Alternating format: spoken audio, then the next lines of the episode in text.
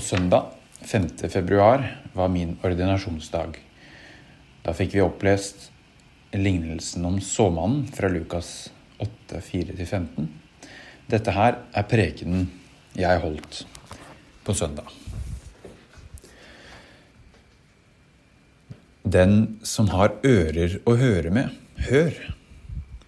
De som hører ordet og tar vare på det i et fint og godt hjerte, de vokste opp og bar frukt hele hundre ganger det som ble sådd. Søndagens prekentekst som Arild leste, handler om å lytte. Både eksplisitt Jesus han sier det rett ut, og han kunne kanskje ikke sagt det mer konkret. Den som har ører å høre med, hør. Og implisitt forklaringen på lignelsen. Såkornet det er Guds ord, og de som hører det, er de som bærer frukt. Det handler om å lytte.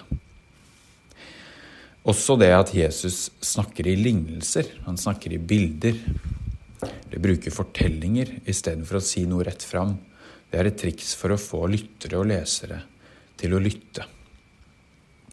Når han snakker i lignelser, legger han budskapet sitt fram på en mystisk måte, nesten litt irriterende hemmelighetsfullt. Til og med når lignelsen følger med en tolkning, så kan det være vanskelig å forstå. Som lesere og lyttere er vi nødt til å spisse ørene og fokusere for å forstå. Litt som om vi myser med øynene når det er noe vi ikke ser helt klart. Det å lytte er en kunst for oss mennesker. Det er det såpestykket du tror du har grepet på, men som glipper ut av hendene. Mestrer vi kunsten å lytte, så har vi gode sjanser for å gjøre det godt både på den ene og den andre arenaen her i livet. Det er et brennhett tips i ekteskap og parforhold. Det å lytte. Hvis man lærer kunsten å lytte, så kan det snu opp ned på en konfliktfylt, konfliktfylt stab eller i en ungdomsskoleklasse. Og det er til og med et av de heiteste salgstriksa. Jeg gjorde et raskt Google-søk på salgstriks lytte, og den første artikkelen som dukket opp, het 'Sju årsaker til hvorfor det å lytte kan øke salget'. Og den siste årsaken lyder som følger. Til slutt, og kanskje mest viktig, gode spørsmål kan motivere og opprettholde dine kunders interesse, stimulere tankene og modifisere holdninger overfor deg og ditt produkt eller tjeneste. Er du en selger, så vet du sikkert dette godt og har kanskje sett det fungere i praksis også. Og det er det som er med å lytte. Det funker. Og man kan jo gjøre det med alle mulige intensjoner. Det har en effekt på en eller annen måte. Men skal vi være helt ærlige, så må vi si at det er også lett å være en dårlig lytter. Ofte så kan det være lettere å være en dårlig lytter enn en god en. Det er så fristende å heller skulle si, si noe enn å måtte lytte. Da jeg bestemte meg for at jeg skulle si noe om det å lytte i denne prekenen, så begynte jeg plutselig å legge merke til hvor dårlig jeg var på det.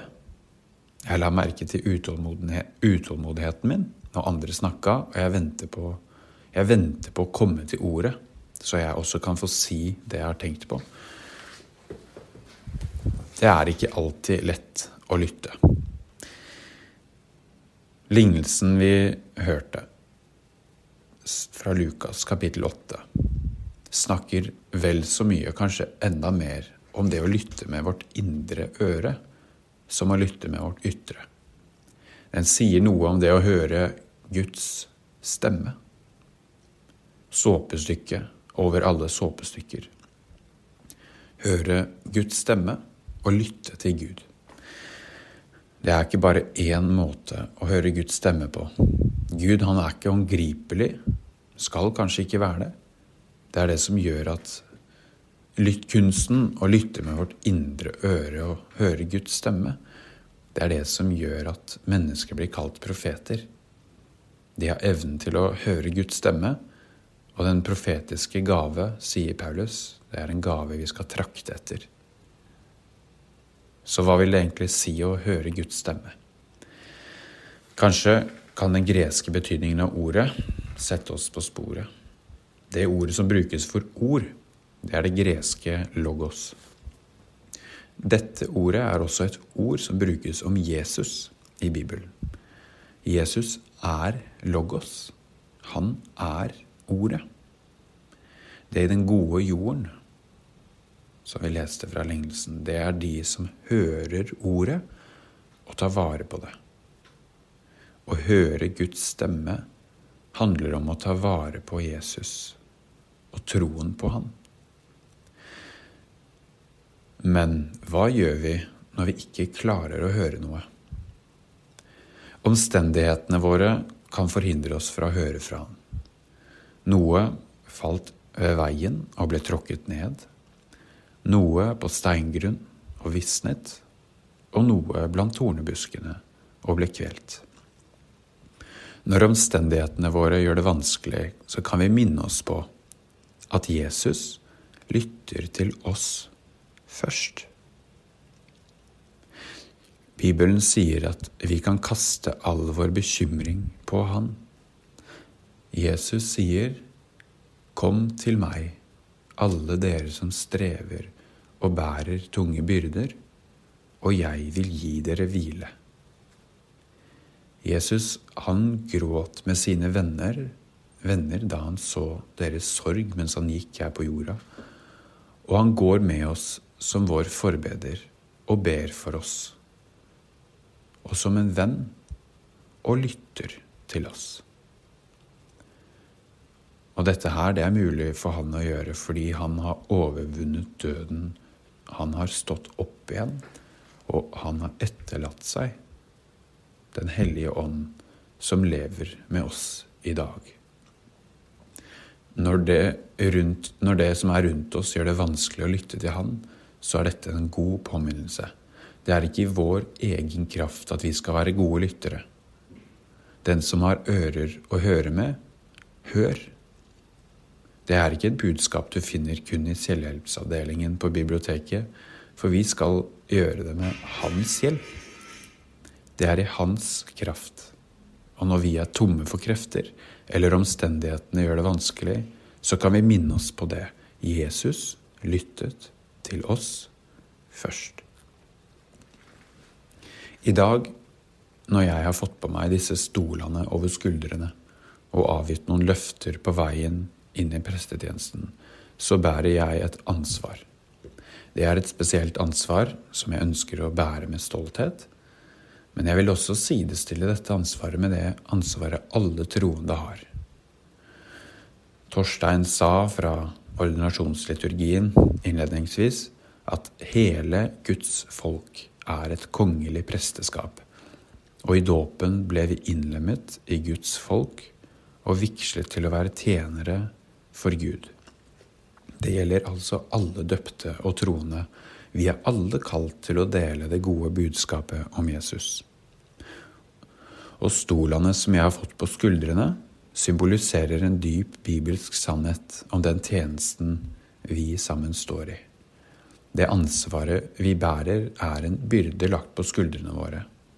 Men det som er med den byrden, er at den skal ikke være en tung byrde eller en vond byrde.